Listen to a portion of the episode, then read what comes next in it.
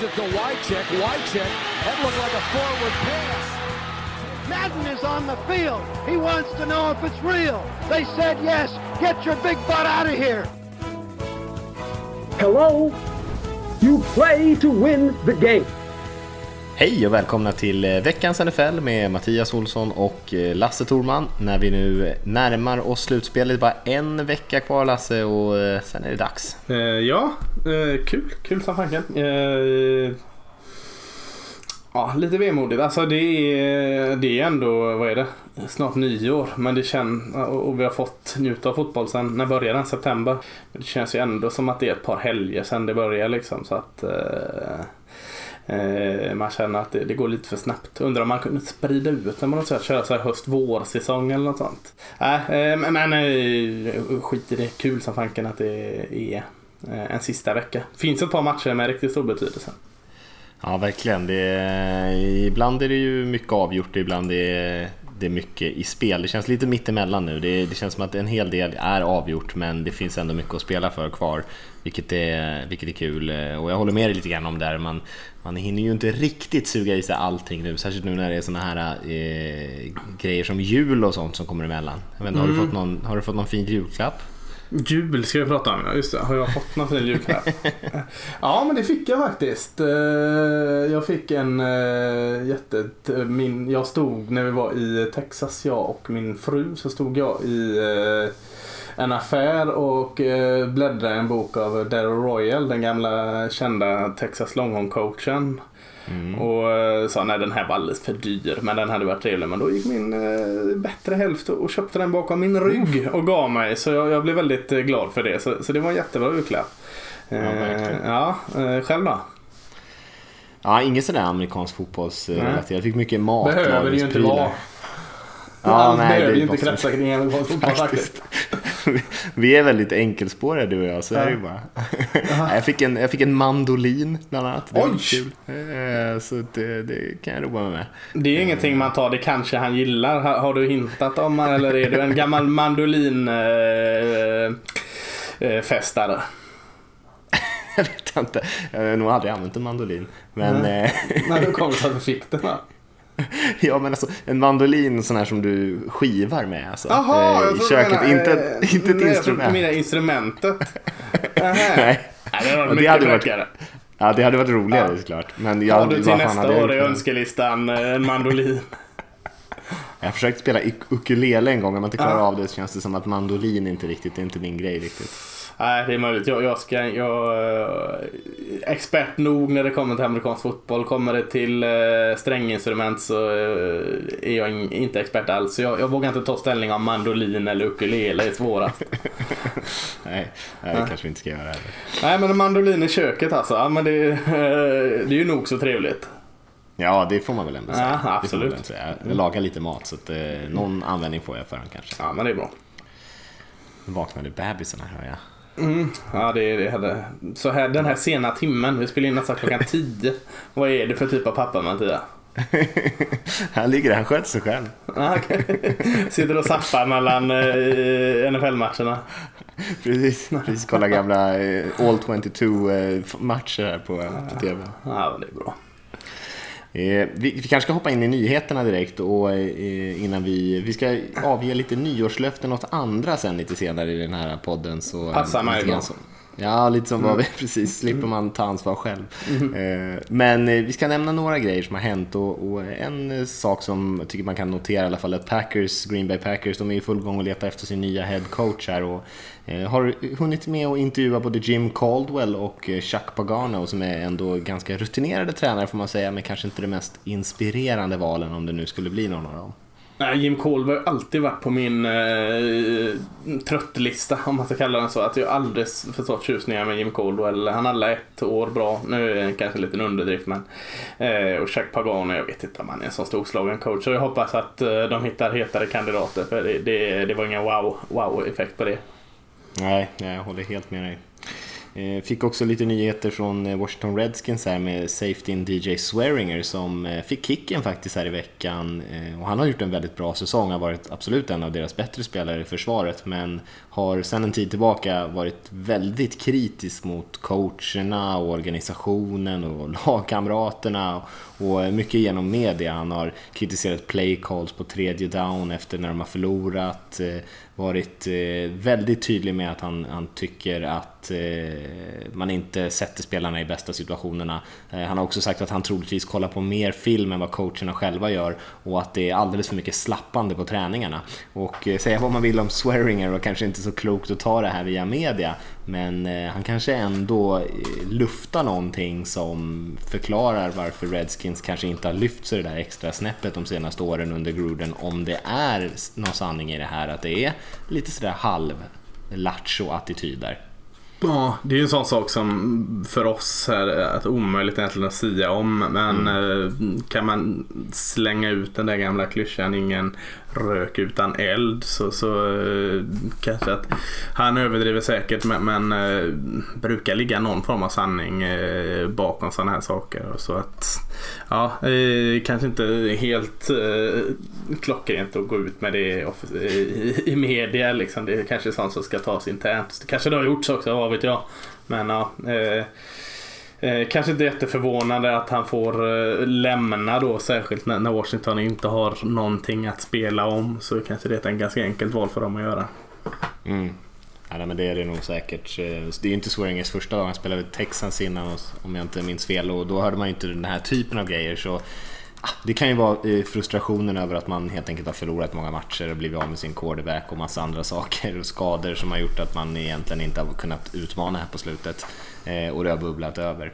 Vi, vi får väl se, men eh, jag har alltid haft en känsla av att eh, Jay Grudens lag där har varit lite sådär halvslarviga och halvslarvigt coachade till och från och eh, ligger det lite sanning i det som Swearinger på här så, så kanske det förklarar lite av saken i alla fall. Mm. Vi har inte så mycket andra nyheter. Vi kan väl eh, tipsa om eh, ett nytt avsnitt i vår dokumentärpodd, NFL Supporter Dokumentär, som ni ska kika in, som handlar om tv-spelet Madden, hur det kom till. Eh, och sen så vill vi såklart påminna återigen om att anmäla er till vårt event som vi kör 6 januari på O'Learys Avenyn där vi ska kolla på två wildcard-matcher tillsammans, köra lite quiz, eh, allmänt eh, hänga med många andra svenska NFL-fans och, och snacka lite NFL såklart. Och jag tror äta gott. Oss... Jag tycker alltid du glömmer ja, att nämna äta gott. Det, tycker jag, det kan du börja med. Äta Självklart. Gott. En stor fet buffé också. Äta gott. Det ska man inte, det ska man inte underskatta helt klart. Det är bra Lasse att du tar upp mm. det. Men, men kika in det. Det finns ju evenemang på Facebook. Du kan också hitta vår nflsupporter.se och vill man bara bara helt sonika bara boka ett bord så gör man det genom att ringa till O'Learys Avenyn eller mejla till avenyn.o'learys.se och säga att man ska på det här NFL-eventet som är den 6 januari. Mm. Så får ni träffa några av oss i redaktionen och, och eh, kolla på lite fotboll och äta gott som Lasse mm. var inne på. Kan jag också stryka under i mejlet att ni gärna vill äta gott så att de, de vet det. Så att de, de, de lägger på så det inte tar slut sådär två quartrar in. Att skriver många äta gott så, så, så, kan det finnas en, oändlig, en oändlighet av gottigheter. Nej, absolut, absolut. Match är det också, men framförallt äta gott. Faktiskt, faktiskt. Vi vet ju inte ens vilka matcher det är, men eh, det lär ju bli två stycken spännande matcher där i wildcard-slutspelet. Det brukar alltid vara, eh, ja, det brukar vara lite mer wild än de andra matcherna kanske. Eh, det är, slut, mer... Slutspelet har en tendens att vara ganska spännande när det kommer till NFL. Det, det är inte bäst ja. av sju matcher här inte, så att, ja, spelar ingen roll vad det är för matcher. Spännande och bra blir det garanterat. Garanterat. Ska vi säga någonting om vecka 16 som spelades här innan vi går in på våra nyårslöften och så småningom kika på vecka 17 och alla slutspelsscenarion och, de viktigaste matcherna där?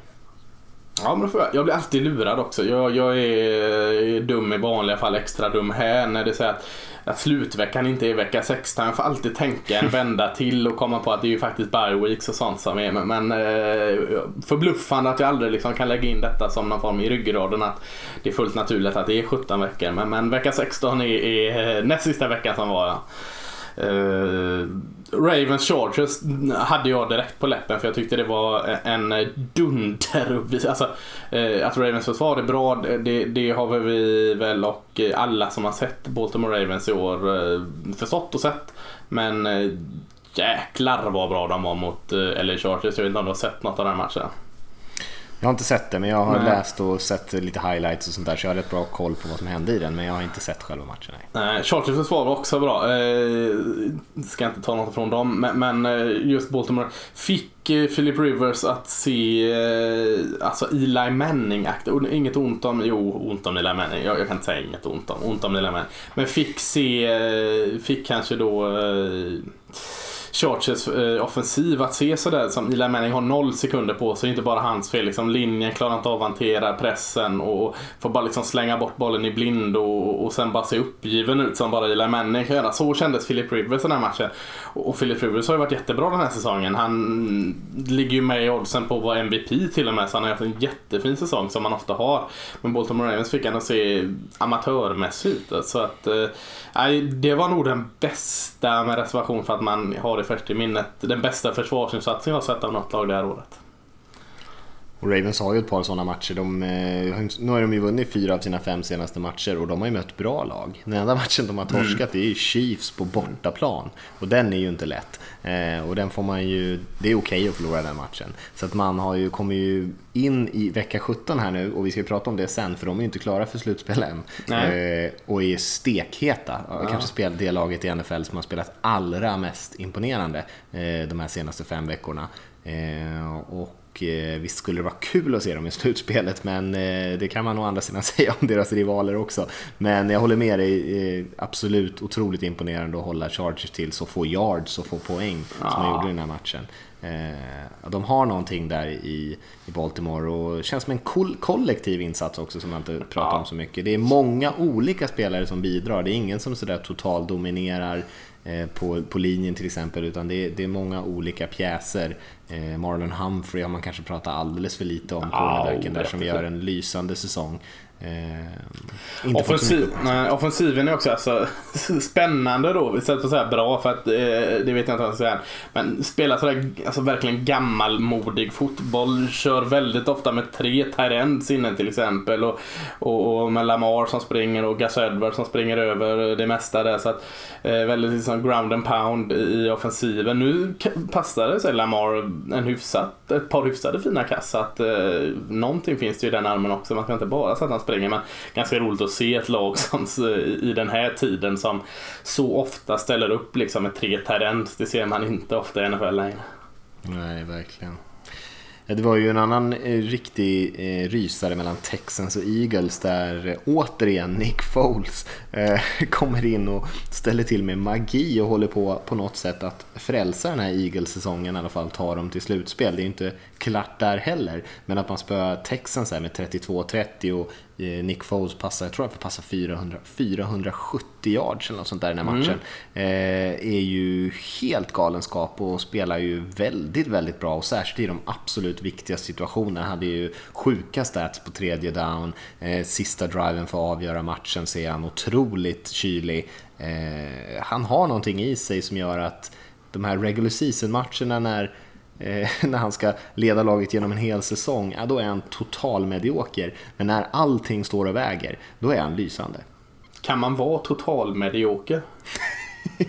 så jäkla medioker så att det är ja. knappt sant. Total normal är han, jäkla. Uh, nej men jag förstår vad du menar. Och, och, uh, alltså jag har, och, det kanske man fortfarande ska göra, fnysa åt den här grejen liksom att uh, bye bye Carson Wentz, nu satsar på Nick Foles. för man, man minns ju den Nick Foles i vecka två säger jag. Liksom. Jag kommer inte ihåg vilken match det var när han verkligen var direkt dålig. Liksom. Eh, och, och, så gör han det här i år igen. Och, och jag vet inte om det liksom är en eh, blessing eller en curse att eh, man sitter i den här situationen i Eagles nu. Liksom. Vad, vad, vad ska vi göra? Självklart, självklara vart har hela tiden varit Carson Wentz såklart. För han är, är ju eh, stundtals och, och eh, mer, än, eh, mer bra än dålig fortfarande. Liksom. Så att det är fortfarande en bra, ung, spännande quarterback. Och så gör Nick Foles det här. Liksom. Vilket ben ska man stå på i Eagles? Mm, ja, det, ja, jag håller med dig. Jag, mm. jag, tror väl fortfarande att det långsiktiga alternativet är ju Wentz. Men ja, med med. På hans, men nytt kontrakt. Med tanke hans skadehistorik och ja. allting. Så jag menar, då, Foles blir ju en, oavsett om han, även om han inte startar, så blir det ju otroligt viktigt att ha eh, en spelare av den kalibern bakom Wentz. Eh, ja. Så jag förstår ju att man valde att behålla honom och inte försöka trada bort honom inför den här säsongen. Och som det ser ut nu så var det ju väldigt smart. Mm. Eh, och så lär man ju försöka göra framöver också oavsett vem som startar. Försöka behålla kan man göra det är ju frågan liksom. Ja, det, det beror på vad Foles vill ha betalt kanske. Ja. Ja, nej, bra. Jag var väl ganska, inte säker, men jag trodde väl på att Eagles skulle vinna denna äh, matchen. Man, man var i det läget där Eagles vinner matcher. Trodde, sen blir det väldigt spännande och Nej, jag, som du säger, om det, om det är Nick Foles eller om det är hela Eagles som, som verkligen kliver fram när det verkligen, verkligen behövs. Det är imponerande och det gör att man inte riktigt kan räkna bort Eagles. Alltså nu, nu är det en jätteviktig match här och man är återigen i underläge. Vi kommer till nästa vecka med, med fighten med Vikings som sista match, eh, slutspelsplatsen här. Men du kan inte räkna bort Philadelphia Eagles. Det går liksom inte. Eh, jag ser dem inte just nu som ett lag tillräckligt bra för att vinna Super Bowl, men vad fasiken, det, det, gjorde man kanske inte heller förra året. Nej. Och, äh, det, det är svårt att räkna bort dem.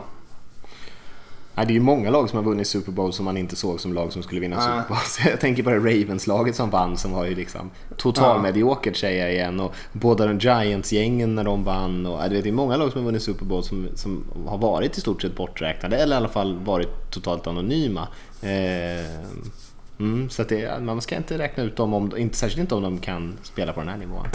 Jag tycker vi hade två ytterligare riktiga stormatcher och den ena var ju Steelers Saints där Eh, Eh, Saints gjorde det betydligt mer svettigt för Steelers efter eh, en slarvig match från Pittsburgh egentligen, där man spelade ganska bra men eh, hade ett par fumbles och en, en avgörande fumble från Juju Smith-Schuster i slutet av matchen som egentligen tog död på den och, Saints vann 31-28 på hemmaplan. Och det var en en match mellan två bra lag som man egentligen kanske skulle vilja se båda de här lagen i slutspel men för Steelers del så ser det ju svettigt ut nu. Man, Ravens måste förlora sin match för att Steelers ska kunna ta sig till slutspel.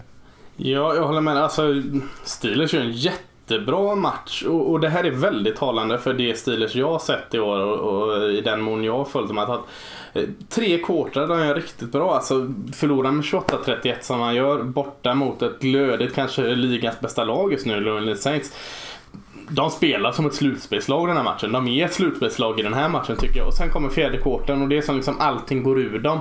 Eh, och, så har det varit. Jag tycker alltså att Steelers slarvar bort matcher. V vad är man? Man är 9, 8, 6, 1 är man va? Eh, mm. Och alltså, jag skulle säga att eh, tre eller fyra av de matcherna som inte är vinster har man slarvat bort i slutet av matcherna. Man spelar bra, man, man är bra långa Ben Roethlisberger är jättebra. Och så sen kom slarvet från honom. Slarvet från andra. Alltså, offensiva linjen är fortfarande jättebra tycker jag. Ben Roethlisberger är bra i, i 8 av 10 moment. Eh, men sen är han direkt dålig eller slarvig i två event. Och sen är försvaret dåligt och slarvigt i två matcher. Så att, om, om man säger att eh, det andra Pennsylvania-laget som vi pratade om, Philadelphia, eh, kliver upp och när det verkligen gäller och i slutet av matcherna kan ta tag i det så är Pittsburgh rena rama motsatsen. De är ett bättre lag säger jag än Philadelphia. Men de viker ner sig i slutet medan Philadelphia kliver upp och där är skillnaden för jag tycker Steelers spelar bra nog och förlora med 28-31 i New Orleans mot det heta Saints. Det, det är bra. Även om det är förlust. Ja, jag håller med dig. De borde mm. ju verkligen spela slutspel i år och de har mm. ju sumpat helt onödiga matcher mot lag som inte är i närheten av några slutspel. Eh, och det är ju för att, därför man sitter här. Och så har man också förlorat en gäng tajta matcher mot bra lag. Men framförallt de där, jag tänker man torskar mot Raiders och ett par andra sådana här lag som som man verkligen, verkligen borde bara köra över. Eh, som gör att man sitter i den här sitsen nu. Och, nej, det är inte kört, men, men en bra match var det där i alla fall. Och den andra matchen som jag tänkte på, det var Chiefs Seahawks. Eh, Bästa matchen och, eh, på ett par omgångar skulle jag säga. Eh, ja, den var, den var, men det kändes verkligen alltså Eh, Eh, jag gick faktiskt in och jag läste resultatet. Eh, men jag tänkte att jag ska gärna se den liksom. Eh, 38-31 är ett lockande resultat att se också. Och jag, ångrar och jag, jag störde mig knappt på att jag visste resultatet. Det var en jättefin match. Och, och jag tycker Chiefs gör en jättebra match. och Seahawks ja, verkligen perfekt liksom. Eh, här är Pete Carroll tycker jag när han känns, eh, när man ser vad han har för kvaliteter. Jag tycker det var en väldigt smart genomförd match av Seahawks. Så att, eh, jag vet inte vad, vad, vad du tycker där. Nej men jag håller med dig. Det är klart att man eh, vill ju kanske sakta ner med Holmes och de här lite grann men man får vara ganska nöjd med 31 poäng och mm. offensivt spelar ju Seahawks jätte, jättebra, springer bollen bra. Eh, särskilt med Carson som fortsätter att spela otroligt bra skulle jag säga. Också en av de spelare som... Sliter på honom för att det känns som han fick... Eh, han är ju som Zeke Elliott i Cowboys här nu, Chris Carson. Det känns som nästan körde han hela jäkla tiden ett tag. Ja, jo men visst så är det ju. De har ju han Mike Davis som de varvar lite med. Men, mm. men Carson är ju deras bell cow och han är ju en riktig köttare. Alltså, jag tror han leder ja. NFL i, i brutna tacklingar i år. Ja. Eh, och eh, det är ju precis som Elliot en sån där spelare som bara helt enkelt inte går ner. Nej, och, och eh, alltid faller framåt. Två, tre yards på ett förlorat ja. spel så tar man ändå tre yards. Skitviktigt. Och sen så hade man ju flera, flera stora spel. Doug Baldwin var ju en eh, riktig stjärna tillbaka i storform i den här matchen. Han hade flera otroliga mottagningar. Mm. Och, eh, när jag sa det, jag stod och pratade med, med brorsan lite grann över julen här det, och sa väl det att Eh, det som gör Wilson så pass bra är ju att han, man kan ju springa bollen i stort sett på varje spel och sen även fast han bara har kastat tre passningar i första halvlek, om han liksom kastar den fjärde passen då är han fortfarande redo att spela. Han behöver inte ha sådär 15 passningar för att komma in i liksom rytmen utan eh, med de få kast han gör så, eh, så är han väldigt effektiv. Eh, och det är ganska unikt. De flesta quarterbacks behöver kanske komma in i matchen lite grann. Eh, och det skiljer kanske Wilson från många andra och därför kan man springa det här springspelet. Sen ska man säga om Mahomes är ju nästan till omöjlig att stoppa. Eh, det är ju, även fast Seahawks försvar tycker jag spelar bra i den här matchen och hade rejält med press från defensiva linjen så kommer han ju ut ur fickan, flyr, improviserar och mm. skapar stora spel hela tiden. Så det är liksom nästan omöjligt att, att sakta ner dem så mycket. Ja, jag, jag tror, jag var inne på det förra veckan att just där kändes det som att eh, D. Ford och Chris Jones och allt vad de heter där eh, kommer ha problem med en rörlig Russell Wilson som är så pass rörlig. Visst, nu, nu kom de åt honom här. Chris Jones tyckte jag kom åt honom väldigt och Chris Jones hade en jättebra match igen. Eh, mm. Eh, men hade det inte varit Russell Wilson, säg att vi hade satt en, en Eh, ben Roethlisberger kan han jobba och dra ner men så hade Eli Manning så hade Chris Jones haft 5-6 eller något den här matchen. För, eh, det, det, var en perfekt match för Seahawks där. Och du var inne på Doug Baldwin också. Jag tänkte faktiskt på det när jag såg att han var så bra. Han, har han, hur har han sett ut under säsongen? Jag har liksom inte tänkt på honom alls skadad. Han har haft massor av skador. Ja, det är tre, det. Tre, ja. fyra olika skador som han har brottats med. Så att han börjar närma sig tillbaka. KJ Wright var ju tillbaka linebacken också i Seahawks, ja. vilket också är jätteviktigt. Ja, särskilt i pass, passförsvar. Eh, för han är en sån atletisk linebacker som man ja. saknar lite grann. Så att Seahawks börjar ändå få tillbaka spelare här framåt slutspelet, mm. vilket är ganska viktigt. Och råd att vila dem här nu sista veckan också, så de är i riktigt fin form. Det där farliga. ja, vi får väl se. Det kan ju påverka lite grann vad de sidas såklart, tror jag. Eh, eller är de fast på femman? Ja, det kanske vi ska titta sen när vi kommer in på slutspelsscenarierna. ja, jag tycker vi, vi, kan nämna sista matchen också. Inte för att den hade någon betydelse alls. Oakland Raiders vinner med 27-14 hemma mot Denver Broncos. Men en väldigt fin final i Oakland för uh, Oakland Raiders som spelade sin sista hemmamatch på Colosseum där uh, jätteskönt för dem att få avsluta med en vinst där. Fira med, jag såg eh, klippen när de firade med publiken, spelarna och detta. Det eh, kändes, alltså, jag vet inte om den här sagan på något sätt får eller kan få ett värdigt slut eh, så som det sköts. Men, men i varje fall ett eh, fullgott slut på, på Oakland-eran tycker jag och det, och det var roligt att se. Verkligen. Eh, kan jag också bara nämna några små grejer. Aaron Donald hade ytterligare tre sacks i den här matchen. Tror han är uppe på 19,5 sacks. Som D-tackle, det är galet. Det är, alltså, jag såg du la ut det. Alltså ettan och tvåan. Eh, vad är med tvåa? Det är också en... Chris eh, Jones. Chris Jones, ja, i Chiefs som spelar med en 3-4 linje. Egentligen också en D-tackle-ish. Och så Aaron Donald D-tackle. Det kan väl aldrig ha varit så innan alltså. Det, det måste Nej, vara... Det positioner eh, som håller på att förändras. Det är det så här när ah. tight ends började passa, fånga passningar. Det är nästan ah. det vi ser med defensive tackles här med liksom, alltså interior linemen som har så här mycket produktion. Det ska inte gå liksom. Nej. Nej, Nej, det, är, det är jäklar imponerande. Sen tänkte jag på de två, eh, kanske framförallt de två rookie quarterbacks som har spelat väldigt bra, Sam Darnold och Baker Mayfield med ytterligare två bra matcher. Eh, kanske framförallt Darnold som, som vi nämnde förra veckan hade gjort en väldigt bra match eh, trots torsk då. Och nu torskar man ju igen här, men Darnold gör ytterligare en väldigt bra match för Jets. Så eh, positiva tecken för, för Jets här på slutet av säsongen ändå. Mm, han är bra. Eh, det är inget snack om det. Eh, han kommer fortsätta vara den här eh, typen av kuben tror jag. Fast han stegrar upp eh, och, och passar pix. Men, men eh, alltså om man spelar på den här nivån så, så eh, är det lättare att svälja ett par uh, interceptions. Uh, för, för det är den typen han är. Jag tror inte man kommer polera bort det någonsin. Men nej, uh, jag, jag är också jätteimponerad av Sam Darnold. Uh, trodde väl inte riktigt att det skulle gå så här fort för honom. Nu är det väl inte ett uh, Rookie of the Year är han inte, tycker jag. Men, men uh, jag tror han ska ha lite mer problem, framförallt i Jets offensiv i början. Så att, uh, det, det lovar gott. Ja, jag håller med dig. Jag tror att det var faktiskt så att Darnold var, om man ska kolla på passer rating så var ju Darnold etta, Mayfield tvåa och sen Nick Foles då, som vi pratade så mycket om här efter båda de två mm. den här veckan. Så att eh, de eh, spelade väldigt effektiva, klina bra matcher för sina lag den här veckan. Eh, mm. Vilket såklart är kul för de där två lagen som inte har varit bra på på länge, inte varit riktigt bra på länge och inte haft någon quarterback i varken Browns eller Jets. Så lite nya tider där. Baker Mayfield kaxig som fasken också. Så ja. Eh, han får passa sig. Alltså, ja, oh, oh, lugna sig lite. Men det är hans personlighet också.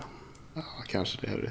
Ja. Eh, nyårslöften ska vi eh, avge några. Jag tror att du hade, du hade några fler än mig så du kanske faktiskt får ta och inleda med någon som du har där. Ja, eh, jag, jag tar mig in kroppen Eh, jag tar med Eli Manning här och, och, tycker han precis som sin bror ska börja fokusera lite mer. Han gör ju reklam för Visa här nu när, när han lurar sin unga rookie running back Eh, hur man snyltar ut pengar där. Och jag, fortsätt fokusera på det och, och släpp fotbollen lite till. Det kan vara ett nyårslöfte. Mer reklam, mindre fotboll. Ett nyårslöfte från Eli Manning där. Vad heter det när man skimmar kort och sånt där? Det kanske är något han ska gå in på. Ja, det kan jag köra på. ja, jag har en liknande faktiskt, jag kan ta den då när ja. du ändå är inne på det. Eller en, eh, det är snarare så att nyårslöfte från, från Giants och ledningen där att man mm. trots den här fina avslutningen på säsongen när Giants kanske spelar lite bättre än, än eh, vad man kan tänka sig och inte är helt lätta att slå Eh, att man inte blir för nostalgisk och, och be, beslutar sig för att hålla kvar Eli Manning. Det beror ju såklart på alternativen. Eh, men det har börjat ryktas lite grann om att, att Giants faktiskt ska ta tillbaka Manning som starter även 2019. Och det tror jag skulle vara en, eh, ett katastrofbeslut för den organisationen. Så eh, ja, nyårslöftet är att inte fastna i den här eh, senaste tiden och, och framförallt inte i den tiden som var för väldigt länge sedan och bli för nostalgiska och inte våga släppa taget. Mm, jag, jag köper det, jag är med dig.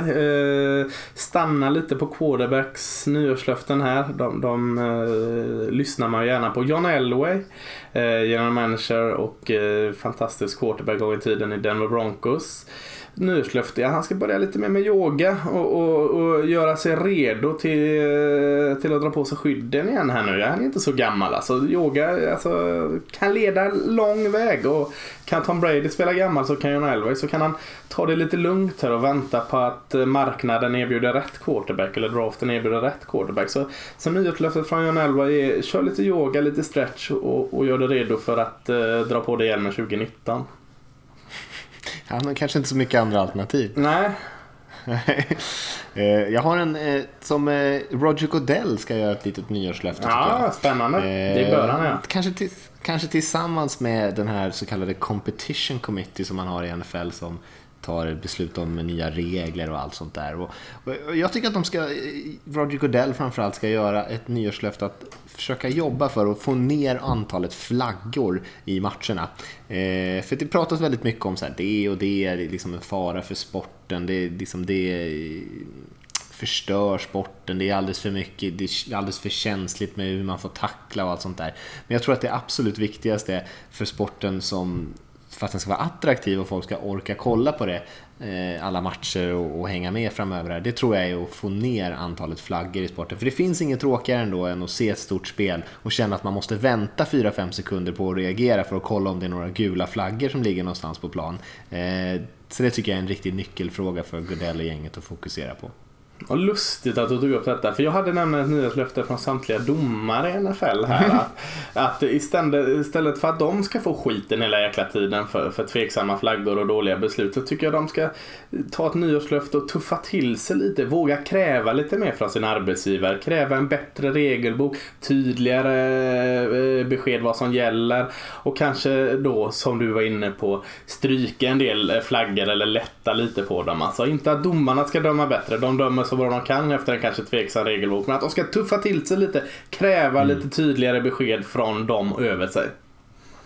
Mm, mm. Ja men det var ju lite åt samma håll där. Ja. Eh, vad har du mer?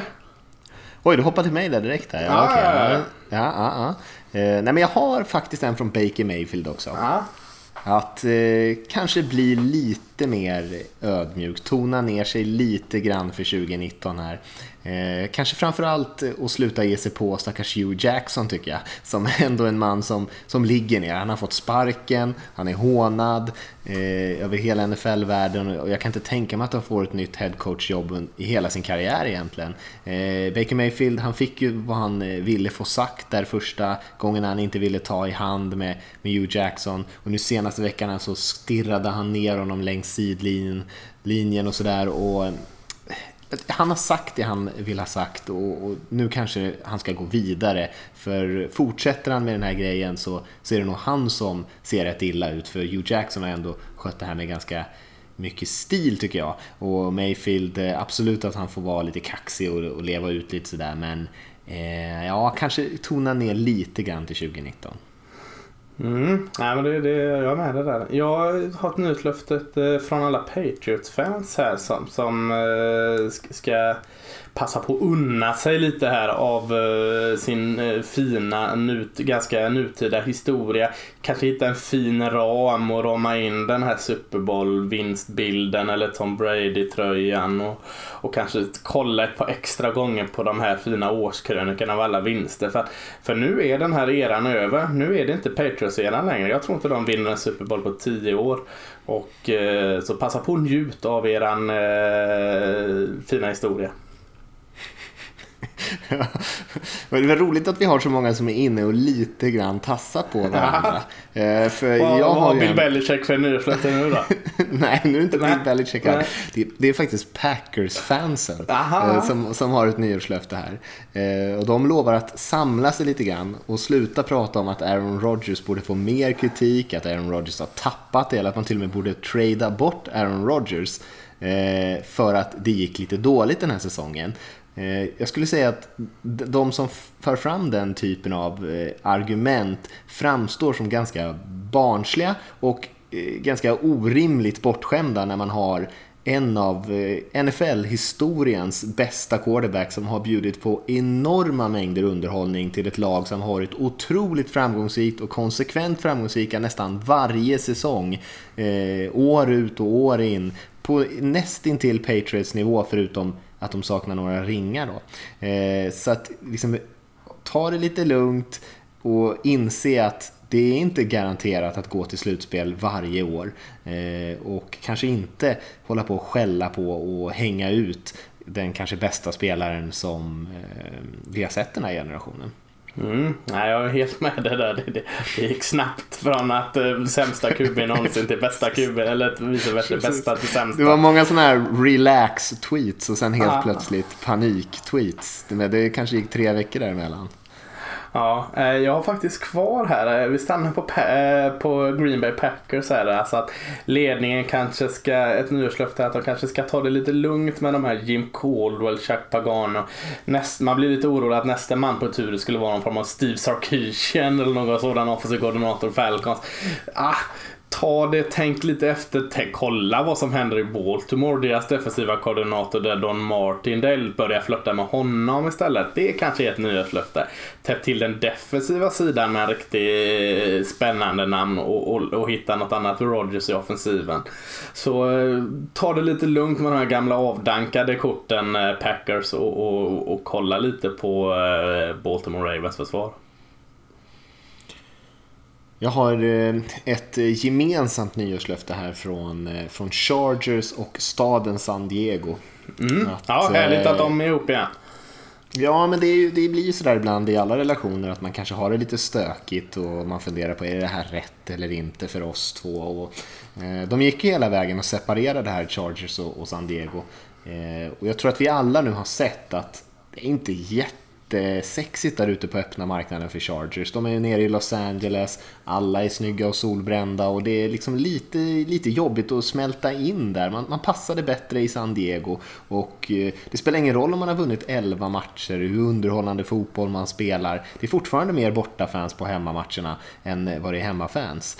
Eh, det kommer inte lossna där i Los Angeles för Chargers. Så att ta den där Eh, svälj stoltheten, ring upp San Diego igen, säg förlåt för allt som har hänt och börja prata om de här fina tiderna man ändå hade tillsammans och kanske hitta tillbaka till den där gnistan som fanns där en gång i tiden. Spelar hon den här låten Kom hem, vi börjar om igen på repeat där och... jag, jag har en kompromiss här att, att eh, visst det kanske fortfarande är lite ont på ord men, men eh, Tijuana Chargers låter så fint. Kan, kan vi inte få ett lag i Mexiko? Det är ju San Diego-ish. Så Tijuana, Tijuana Chargers. Då har vi, då har vi galna läktar, läktarbilder. Inte sådana stubbhubbarenan eh, som påminner om någon hästpolomatch. Nej, nej, nej. Det låter, det låter häftigt faktiskt. Ja. Mm. Ja, jag, eh, sista nyårslöftet eh, från min här eh, var inne lite på det men det är till coach Tomlin i, i Steelers här att eh, kanske se till att eh, förtydliga för spelare och tränare och hela eh, hela staben att en match faktiskt pågår i fyra kvartar och inte bara i tre kvartar. Alltså det, det känns ganska självklart men, men eh, stryk under det bästa Tomlin för då, eh, då kan det gå långt. Mm. Ja, men det kanske skulle behövas. Ja. Det har du rätt i. Jag har inga nyårslöften kvar här. Är det så Nej, så? absolut. Eh, Jay Cutler fortsätter röka. är väl ett nyårslöfte som jag hoppas kan hålla. Men han är inte så NFL-aktuell. Steve Sarkisian fortsätter dricka. Det, det, är två, två nyårslöften som, som vi låter ligga kvar där. Det är lite sådär, men det brukar vara tvärtom. Att man liksom ja. säger att man ska sluta. Men de, de kör på... Ja, jag tycker jag. Det är underhållande. Mm. Bilderna med en cigarett i Cutlers mun är, det, det är mumma för själen. Vi ska kika på lite vecka 17 och lite slutspelsscenarion. Ehm, jag vet inte riktigt hur vi ska göra det. Tycker att vi ska börja med att titta kanske på hur det ser ut och sen kolla på vilka matcher som kan vara avgörande. Är det en vettig ordning? Ja, lika vettig som någon annan så det, det kan, vi, kan vi väl göra. Eh, ska vi börja titta på AFC då som är lite mer öppen än vad NFC är? Mm, det kan vi göra. Mm. Det är vad, har vi, vad har vi klart där? Kan du eh, nämna det för oss? Ja, vi har ju klart i AFC East så har ju Patriots vunnit den divisionen och mm. där är det inga andra lag som är med och utmanar heller. Så Dolphins, Bills, Jets är ju ute. Mm. Eh, sen har vi i vi kan gå till eh, West där mm. vi har två lag som är klara för slutspel, Chiefs och Chargers. Båda på 11-4 va? Ja, precis. Ja. Och där slåss de ju fortfarande om vem som kommer vinna divisionen. Men ja, Broncos Raiders är avhängda. Om vi går till AFC South så har vi ju ett Texans som har vunnit divisionen vad jag har förstått. Eller nej, de har i alla fall tagit sig till slutspel. De är ju faktiskt mm. inte säkrat divisionen än för de nej. har ju Colts och Titans bakom sig som båda ligger på 9-6 medan Texans har 10-5. Men de kan inte helt falla ur slutspelet Texans men de kan hamna på en wildcard-plats. Eh, och sen har vi sista divisionen då, AFC North, som vi har nämnt några gånger i den här podden redan, där vi har Ravens och Steelers som eh, allt kommer att avgöras här sista veckan. Ingen av dem har chans att ta en wildcard-plats, så eh, det är vinna divisionen eller missa slutspelet som gäller för de två. Browns och Bengals är ju avhängda. Mm. Eh, nämna AFC South där att eh, Houston Texans är 10-5, eh, Colts Titans är 9-6. Ett lag av de eh, två Colts och Titans kommer vara. Eh, 10-6 om det inte slutar någon form av oavgjord här. Det hade ju varit eh, för jäkligt på något sätt. Eh, eller fantastiskt, jag vet inte hur man vill vrida och vända på det myntet. Men, men eh, vi har Houston 10-5, eh, Colts Titans 9-6 och alla de tre lagen är på 3-2 inom divisionen här. Så att eh, skulle Texans förlora sin sista match, eh, vilka möter de nu? Jag har dålig koll på det. Jag ska kolla vilka de möter här. Eh, de möter eh, Jaguars hemma så, så att eh, den ska de väl vinna tycker jag. Men, men skulle de förlora den så kommer de automatiskt poppa ner från AFC South eh, vinnare där. Så att de har faktiskt lite att spela för där ändå. Mm. Men det är en relativt clean bild där ändå. Det är ju mm. Ravens, Steelers, Eh, Ravens eller Steelers och sen Colts eller Titans som kommer ta de här två sista platserna. Yes. Och NFC då? Där är det inte mycket att spela om. Nej, det är ju inte det egentligen. Vi har ju eh, NFC West då, då vi Rams har säkrat divisionen med 12-3 eh, mm. än så länge. Och Seahawks som har säkrat en slutspelsplats som just nu är 9-6 och som möter Cardinals eh, som inte har spelat bra den här säsongen eh, på, eh, i sista omgången här och 49ers är ju avhängda där. Om vi går till eh, NFC South så har vi ju Saints som är klara för slutspel Eh, och också klara för att slippa wildcard-rundan. De är ju 13-2 redan.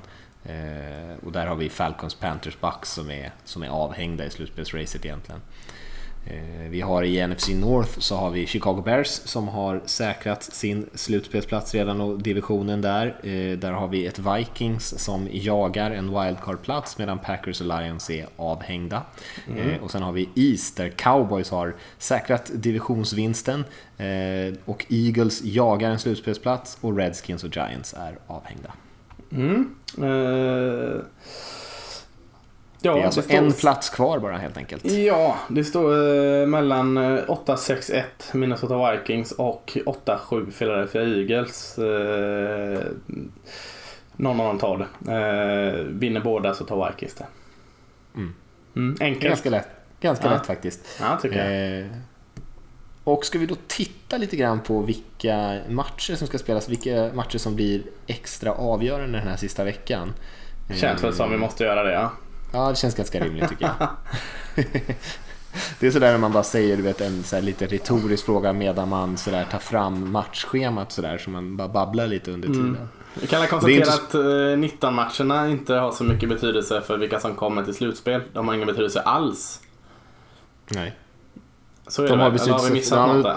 Nej, de har ingen betydelse för vilka som kommer ta sig till slutspel. Däremot har de en viss betydelse för placeringen i slutspelet. Ja, precis. Eh, ja, Dolphins Bills betyder ingenting. Lions Packers betyder ingenting. Jets Patriots, där har det betydelse om Patriots kanske kan eh, dra till sig 11 vinster och, och klättra upp lite i, i slutspelet. Jag skulle säga att det är den viktigaste matchen för då ja. i så fall kan ju New England hamna på hemmaplansfördel och de yes. är ju 7-0 hemma. Ja, obesegrade hemma i år. Ja. Och det är ju hemma här också. Eh, så i så fall kommer de in i slutspelet betydligt starkare än vad ja. de har varit i övrigt. För man har ju faktiskt torskat, vad man torskat? Fem matcher? Mm, ja, 10-5 är man Just det, just det, just det. Så fem matcher på bortaplan har man ju ändå torskat. Mm. Eh, så där har man ju inte varit bra. Så det är ju en viktig match för Patriots. Där. Ja, sen har du Panthers Saints. Eh, jag tror inte den har någon betydelse för jag tror Saints redan har vunnit NFC. Ja, eh, de är 13-2. Eh, Rams är visserligen 12-3 och kan, men jag tror med inbördesmöten och innan divisionen och konferensen eller allt vad som vill så spelar det ingen roll där. Jag tror, tror eh, Saints är NFC-mästare redan. Så den, om jag tror rätt så spelar det ingen som helst roll. Nej. Eh, Cowboys Giants eh, spelar väl heller ingen som helst roll eftersom eh, 10-6 Cowboys är lika dåliga eller bra som eh, 9-7 Cowboys eftersom de har säkrat NFC East och kan liksom inte peta ner någon annan divisionsledare med eh, 10 vinster så spelar den ingen roll heller. Nej, och anledningen också för att, att det blir så här som, som du är inne på här nu är ju för att man har flyttat ju alla matcher som har betydelse för slutspelet så att de spelar samtidigt så att man inte kan resultatspela så att säga. Eh, så att vi har ju ett gäng, och vi brukar ju bara ha tre, fyra matcher vid 22 eller 22-25 tiden och den här veckan har vi ju faktiskt nu ska jag jag har ju bara så. två sju matcher kvar. Kan jag inte få gå igenom dem innan vi går in till de senare? Här har vi ändå betat igenom en rad sju matcher och bockat av. Så nu kommer ditt OCD in här. Ah, jag, tänkte, jag tänkte, hur länge ska han babbla om de Jag har bara två matcherna? kvar. Låt mig säga att Falcons Buccaneers inte betyder någonting. Sen har vi sista är Jaguars mot Texans. Där Texans måste faktiskt vinna för att, att, att vinna sin uh, division. Eh, Så, nu kan vi gå in till eh, 10-25 matcher. Varsågod Matte. Men oavsett om, ja, Texans de spelar ju för hemmaplansfördel i wildcard-matchen då för de kommer Ja. väl inte kunna, nej precis, de kommer inte kunna ta en, eh, få en bye ändå. Nej. Eh, ja, nej men sorry att jag störde dig. tack, tack. Nu känner jag mig trygg. Nu kan jag bocka av. Det var bra. Som vi gör en podd med Rainman här eller någonting. Eh, nio, nio stycken tror jag vi har eh, 22-25 matcher om jag inte räknar fel. Kanske åtta. Åtta snarare. Eh, Ja, det är för så mycket. att det är ju många matcher där som spelar 22-25 och, och många av dem som är ganska viktiga. Eh, vilken skulle du säga är den absolut mest spännande? Av de som är 22-25. Mm. Eh, Det är inga lag som möts i en direkt avgörande Min match. utan- match är ju inte 22-25, den jag vill prata om. Den är ju Äh. senare så den får jag inte säga då.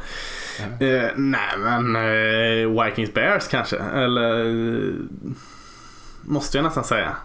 Ja, det känns som tuffaste fighten där. Ja, Vikings har ju alltid gan- egna händer. Men... Ja, jag känner mig ganska trygg med att Eagles borta slår eh, Washington. Eh, s- s- och jag känner mig inte alls lika trygg att Vikings ska hemma slå Bears. Eh, så, så nej, Vikings Bears är, är är den jag är mest intresserad av.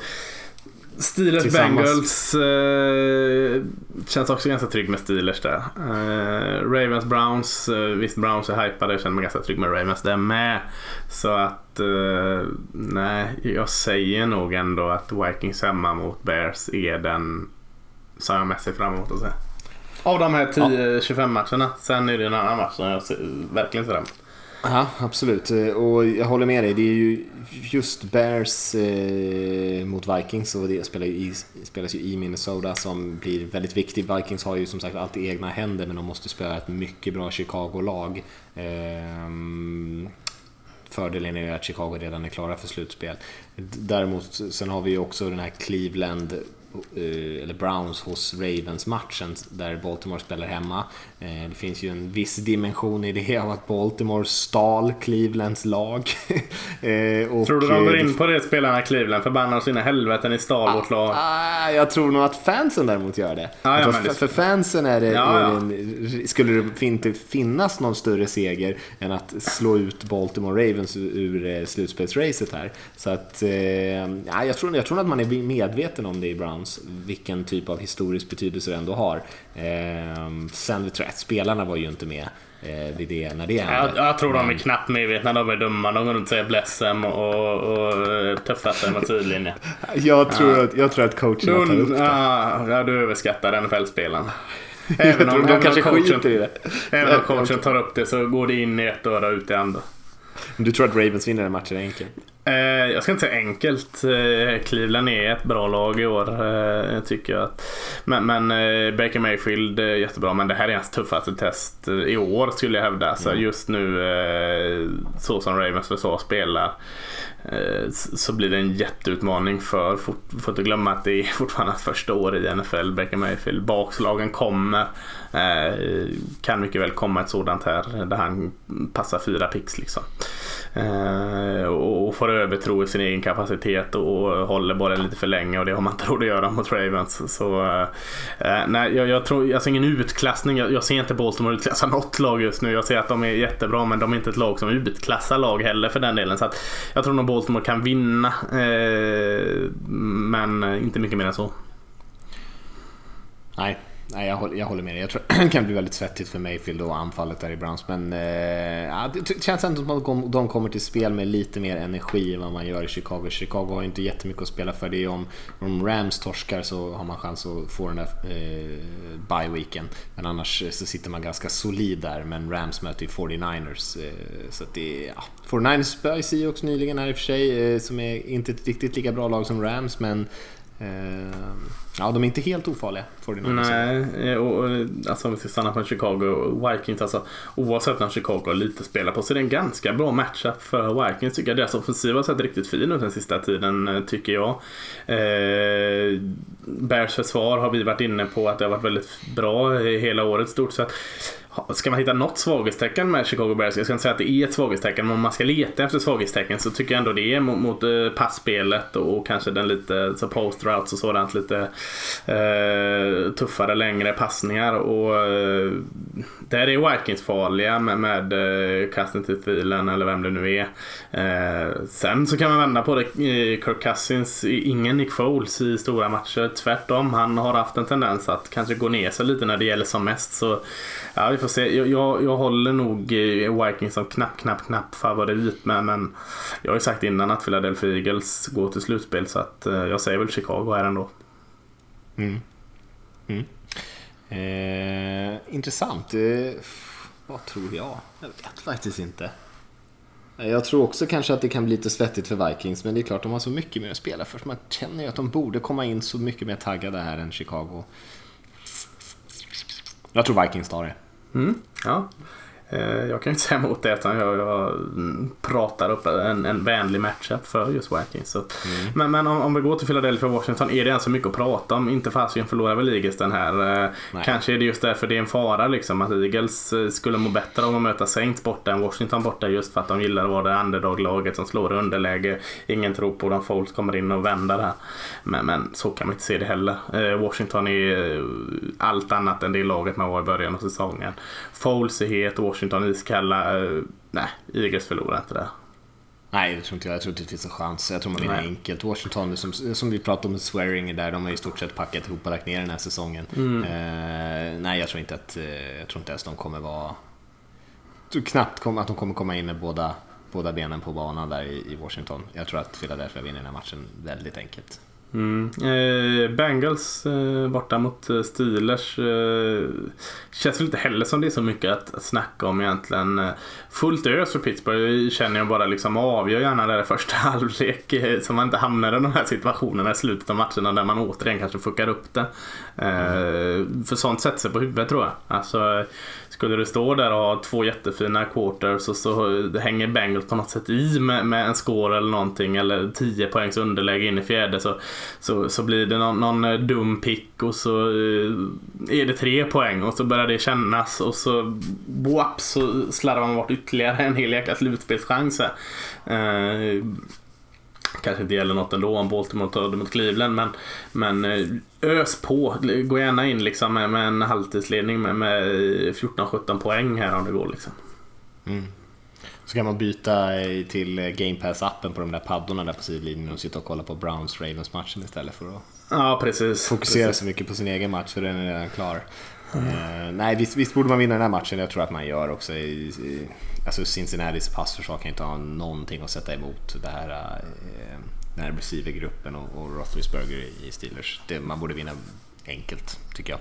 Det är väl det som är, hade kunnat varit lite mer spännande matchups i några av de här som är, eh, men eh, i de matcherna där med det laget som har allting i sina egna händer så är det lite tuffare motstånd. Men den här borde Pittsburgh såklart ta. Mm.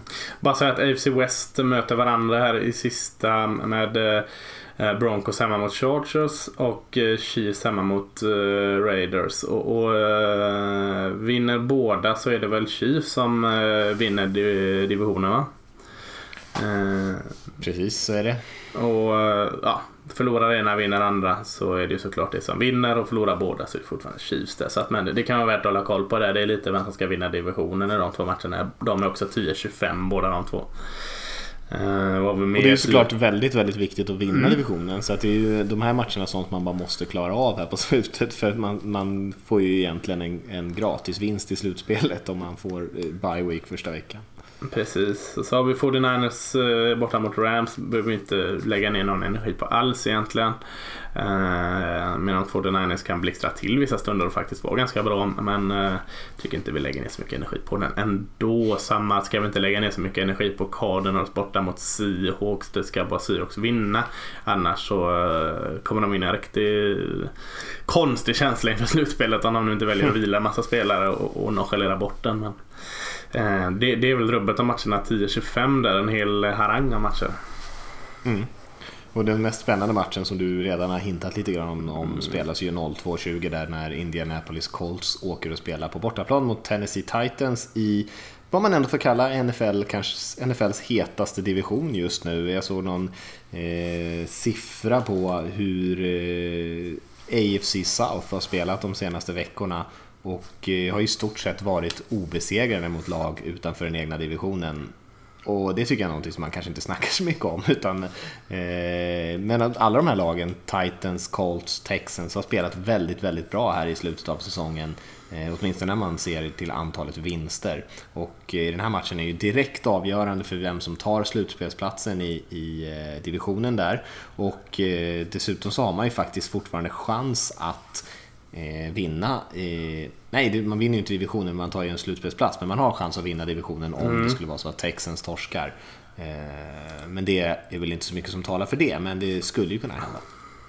Det här är ju den enda slutspelsmatchen som inte är slutspel. Eh, det här är ju en slutspelsmatch. Rakt av. Mm. Vinnaren går vidare, förloraren åker ut. Eh, Mm. Det är den matchen vi har den här veckan som är alltså direkt slutspelsmatch mellan två lag. Vinna eller försvinna. Det är, det är helt underbart eh, för jävligt bara att den är på... Eh, Fasen, är det här... eh, Spelas den här på nyårsafton eller? Va, eh, Måndag. Ja, 30, 30 december, ja. Eller nej, den spelas på 13 december. natten till nyårsafton är det va? Du får Alltså, hjälpa det är mig med, med att hänga med här. det. Det måste jag göra för det är ingen Monday Night Football va? Utan det här är Sunday Night Football va? Ja, Ja. måste ju vara. M- NBC, ja. Ja. Men det är bra, du ska ändå vara uppe ganska sent eh, dagen efter där så du kan gå och lägga dig tidigt. Ja, då missar du massa tid. Fan, det här är svårt. Det är svårt. Eh, ja, den, den måste ses i varje fall. Och eh, jag vet inte riktigt. Jag, när jag skulle liksom klura ut vilka som vinner den här matchen. Du, du var ju, var ju eh, het på Colts innan säsongen. Jag tippade de sist i hela NFL. Det, vi hade något sån där skämmesavsnitt någon gång eh, tidigare där jag var väl kaxig jag skäms minsann inte för någonting. Här har jag något att skämmas för. Jag är ju helt såld på Colts nu. Du är inte lika såld nu. Eh, alltså det är Tennessee hemma. Tennessee, de, de blixtrar till och sen riktigt bra matcher och sen eh, vet jag inte vad de gör. Springspelet har ju varit eh, maffigt sista. Jag gjorde en sån här klassiker. Jag tog varje position och så valde jag vilka som var bäst på den positionen och så fick det fälla avgörande. Eh, så vi kan lägga igenom quarterback. Eh, är du med mig på att Colts har fördelar? Ja. Mm. 1-0. Running back. Tennessee fördel hävdar jag där. Mm, mm. Mm, 1-1. Wide receiver säger jag Colts. Är du med mig där? Mycket hjälp av Lack såklart. Ja, jo visst. Det är ju inte någon vidare bredd på den positionen, men Hilton är väl den enda riktigt, riktigt bra receiver i Ja. matchen kanske. Ja, men är det så mycket bredd hos Tennessee menar du? Nej, kanske Nej. inte, men eh, ja, jag vet inte. Några av de där Colts receivers har man ju knappt hört talas om förut. Nej. Nej, lite mer tveksam där, men du ger mig ändå eh, Colts där. Mm, ja, absolut. Ja, men då är det två. O-line tycker jag inte det är något snack om. Det kanske hade varit det innan, men jag tycker faktiskt Colts har en bättre O-line än, än Titans i år. Ja, jag håller med. Ja, då är det 3-1 här. Det är en slakt på gång. D-line eh, vinner Tennessee lite på grund av att jag fortfarande inte riktigt är övertygad över... Eh, visserligen har han spelat upp sig men, men ja, eh, Gerald Casey och de... Eh, ge, jag ger vinsten till Tennessee där. Ja, det håller jag med om. Rashawn Evans är en spelare som kanske inte har pratat så mycket med Ja. om, som har gjort en väldigt fin säsong. Ja, eh, eller mer outside linebacker va? Ja, det kanske han är. Jag räknar nästan Ja. han till linjen där. Man Ja, det kan man göra. Ja, nej man får vara det. Då, då är det 3-2 här. Alltså linebacker då, då har du Rashan Evans. Säg att han är D-line så, och så Colts linebacker. Jag tycker ju han, vad heter han nu, står still i huvudet. Rookien i, i Colts som varit så jäkla bra. Leonard va? Mm, Darius Leonard. Ja, jag tycker han och så får vi han Northwestern-spelaren, vad heter han nu då? Welker, Walker. Eh, när jag du har kan- gjort research på det Nej, här? nej, nej. Jag bara, jag bara höftat. Och när jag, så, när jag ändå har valt att Colts har fördel på linebacker-positionerna borde jag veta vad han heter. Men, men jag tycker de är bra i mitten där. Så jag, så jag ger Ja. Colts eh, linebacker-positionen. Ja, ja, jag kan inte säga emot. Nej, 4-2 här då. Eh, secondary tycker jag det är jäkligt svårt. Vilka ska ha fördelen här? Jag, jag vet inte än. Jag har satt en lucka. Ah, Titans tycker jag ändå va. De eh, Ja. har ju eh, bra safeties och eh, åtminstone en bra corner. Ja. Ja, nej men jag, jag, jag är med dig där. Jag, jag, jag satte faktiskt Titan och då blir det 4-3. Och då avgörs detta på dött, dött, dött, dött, special teams. Special teams som man glömmer bort så mycket och där tycker jag Colts är riktigt bra så att jag sätter Colts på special teams. Så blir det ändå en 5-3 slakt här. Ja, Kan du säga emot detta eller? Är, det 5-3? Eh, vad, det nu, vad det nu omvandlas till. Att, eh, lägg då till hemmafördel Tennessee får de en poäng där. 5-4 till Indianapolis. Jag säger att med den här matchanalysen som, som inte går att frågasätta på något sätt så säger jag att Colts ändå vinner den här matchen. Ja, nej men jag håller med dig om att Colts ska vinna den här matchen. Mm. Eh, och din analys tycker jag, det var ju liksom klockrent. Det är ju vetenskapligt bevisat i stort sett. Ja, det är väl så här man gör en, en, analys. Allt annat är ju bara snack från oss. Det här är ju en position för position. Där man, man kan inte ens namnen på en position som man ändå hävdar är bättre än motståndarnas. Men, men äh, ja. jag, jag håller Colts som favorit och, och, visst de hade det tufft mot Giants senast och höll på att förlora där men, men eh, jag tycker de har sån fin form och ja, de spelar inte så dåligt två matcher i rad. Så Colts till slutspel. Jag håller med dig. Jag tror heller inte att Colts har förlorat någonsin mot Titans när Andrew Luck har spelat. Eh, ja, jag tror det. Och eh, ja, men man har helt enkelt ägt dem med, med Luck och det finns väl en anledning till det. det är ju, Titans har ju inte lyckats sätta upp sådär jättemycket poäng på brädet för det mesta, även fast försvaret har spelat väldigt bra. Men Lack och gänget har ju visat att det är ganska svårt, precis som många av de här duktiga anfallen, är svårt att sakta ner dem mm. hur mycket som helst. De kommer alltid få sina poäng. Eh, och med en Mariota som har spelat lite halvskadad dessutom, eh, inte spelat särskilt bra i år, så har jag svårt att se att Titans ska kunna utmana här. Men det har man ju tänkt i många matcher om Titans när de ändå har vunnit. De har ju spöat ett helt gäng faktiskt riktigt bra lag. Men eh, ja, säger ändå att Colts och Andrew Luck är, är de som är lite mer clutch här mot mm. slutet av säsongen. Ja, 36 touchdowns har Andrew Luck passat förra året. Det är härligt att ha honom tillbaka.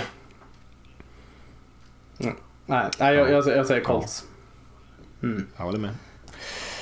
Ja, nej, det, det, visst är det kul att se Luck där. Han lär väl vinna comeback player of the year va? Eller eh, kanske JJ Watt är med och utmanar om den kanske lite ja, ja, det är två ganska bra eh, alternativ. Nej, det får man verkligen säga. får man verkligen säga. Ja, spännande. Det kommer bli en, eh, en höjda vecka 17 känns det som. Eh, så får man försöka på något sätt lösa så att man kan se den där Titans Colts matchen utan att spoila den ja. för mycket. Får la sova de här sju matcherna, ställa klockan på 22.25 och så uh, gå och lägga sig tidig morgon och uh, någonting. Jag vet inte. Faktiskt. Ja. Faktiskt. Det skulle vara ett alternativ med tanke på eh, nivån på de 19 ja. matcherna. Där. Nej men det, eh, det som, som, du sa, det finns ganska många matcher som inte betyder någonting. Eh, men också alltså, fem, sex matcher som kan bli ganska roliga och svänga. Så att, ändå en, alltså, man har sett betydligt mer avslagna eh, vecka 17 än denna tycker jag. Så att, eh, ja, jag, jag, jag ser fram emot denna optimism. Men vi säger väl så från, från oss Lasse den här veckan så, eh, så hörs vi helt enkelt igen om en vecka.